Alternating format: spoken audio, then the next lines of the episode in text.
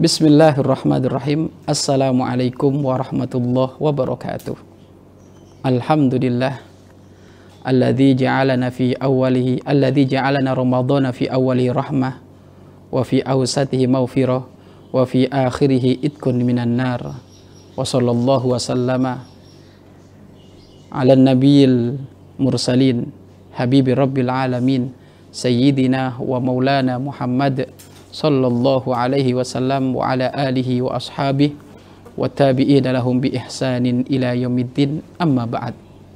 Pemirsa yang dirahmati oleh Allah Subhanahu wa taala, alhamdulillah kembali lagi bersama kami tentu dalam program kemuliaan dalam program menjadi hamba-hamba pilihan, hamba-hamba terkasih, hamba-hamba tersayang dan sungguh ini harus menjadi dambaan bagi siapa pun.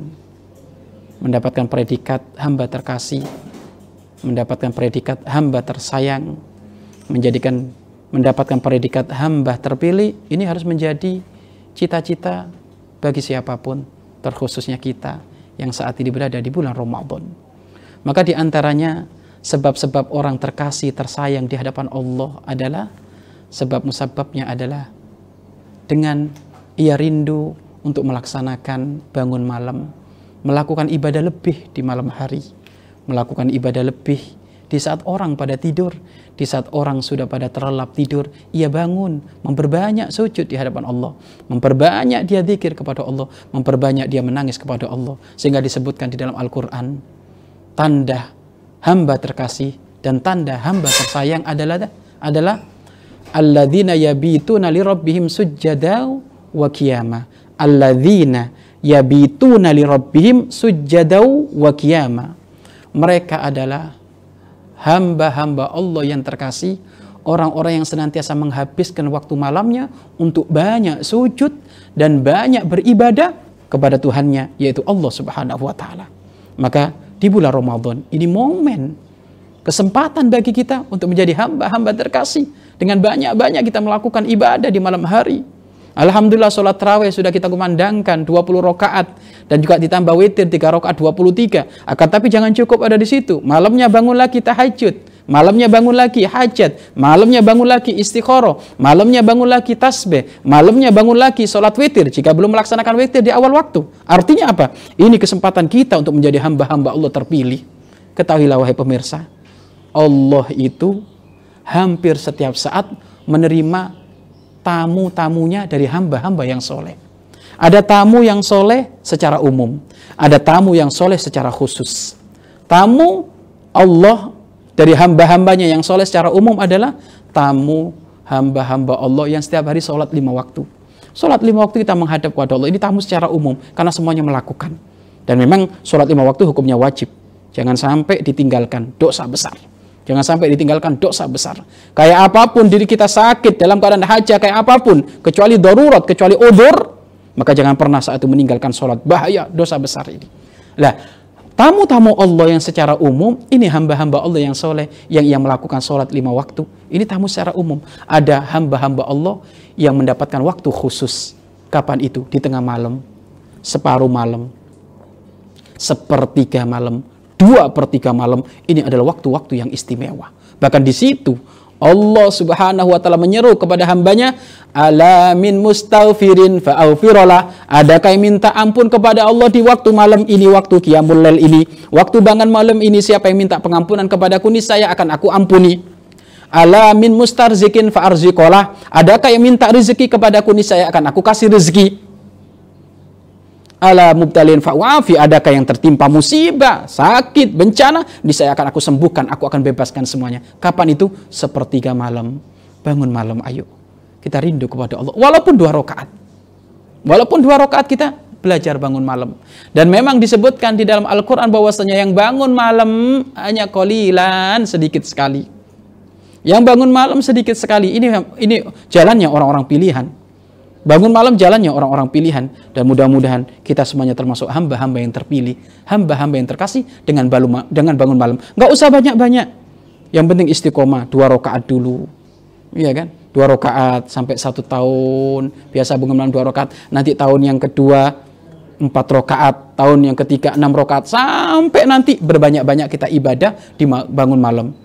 Baginda Nabi Muhammad bangun malamnya sampai kakinya beliau bengkak. Masya Allah, keutamaan. Dan memang orang-orang soleh, hamba-hamba Allah terkasih seperti itu.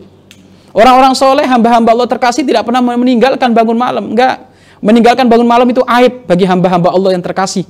Bagi waliullah, bagi kekasih Allah, meninggalkan bangun malam itu aib. Aib, satu kesalahan besar. Badan itu hukumnya sunnah. Loh kalau yang sunnah ditinggal dianggap menjadi kesalahan besar, lalu bagaimana yang haram? Wow, kesalahan besar juga. Nah inilah orang soleh itu kayak gitu. Meninggalkan yang sunnah dianggap adalah kesalahan bes besar. Sampai disebutkan Abu Yazid al-Bustami. Abu Yazid al-Bustami termasuk adalah anak anak yang bangun malam mulai dari usia tiga tahun. Abu Yazid al-Bustami termasuk anak yang senantiasa rindu bangun malam mulai dari usia tiga tahun. Usia dari tiga tahun. Bahkan Abu Yazid al-Bustami di usia tiga tahun sudah bisa mengajak orang-orang yang gede, orang-orang yang tua untuk rindu bangun malam. Keberkahan ulama yang bernama Abu Yazid Al-Bustami. Dan juga di antaranya Imam Malik, Imam Syafi'i, Imam Ahmad bin Hambal, beliau-beliau termasuk adalah orang yang senantiasa rindu bangun malam. Imam Ahmad bin Hambal dikatakan bahwasanya beliau melaksanakan bangun malam hampir lebih dari 40 tahun dan pakai wudhu isya. Bangun malam hampir 40 tahun lebih, artinya seumur hidup beliau dan itu memakai wudhu isya. Artinya apa? Beliau nggak pernah tidur. Nggak pernah tidur. Begitu juga Imam Syafi'i. Orang-orang soleh, orang kekasih Allah, jika terbenamnya matahari, itu momen kedekatanku kepada Allah. Sampai nanti terbitnya matahari. Sampai nanti terbitnya matahari. Maka ayo kita pingin. Minimal kita niru kita pengen niru Imam Syafi'i bangun malam yang rajin. Kita pengen niru Imam Ahmad. Kita pengen niru Imam Abu Yazid Al-Bustami. Walaupun hanya dua rakaat. Memang nirunya kita pun nggak sempurna. Tetapi lebih baik daripada tidak niru sama sekali. Kalau kita dalam urusan ibadah, maka lihatlah orang yang ibadahnya sangat banyak. Tapi kalau dalam urusan harta, maka lihatlah orang yang lebih rendah daripadamu. Biar gak ada tomak, biar tidak ada kerakusan. Tapi kalau urusan ibadah, maka lihatlah kepada orang yang lebih lebih banyak ibadahnya. Para ulama, para imam, kanjeng Nabi Muhammad ini ibadah ibadahnya sudah ibadah kelas-kelas berat semuanya. Maka ayo Ramadan kita belajar untuk bangun malam.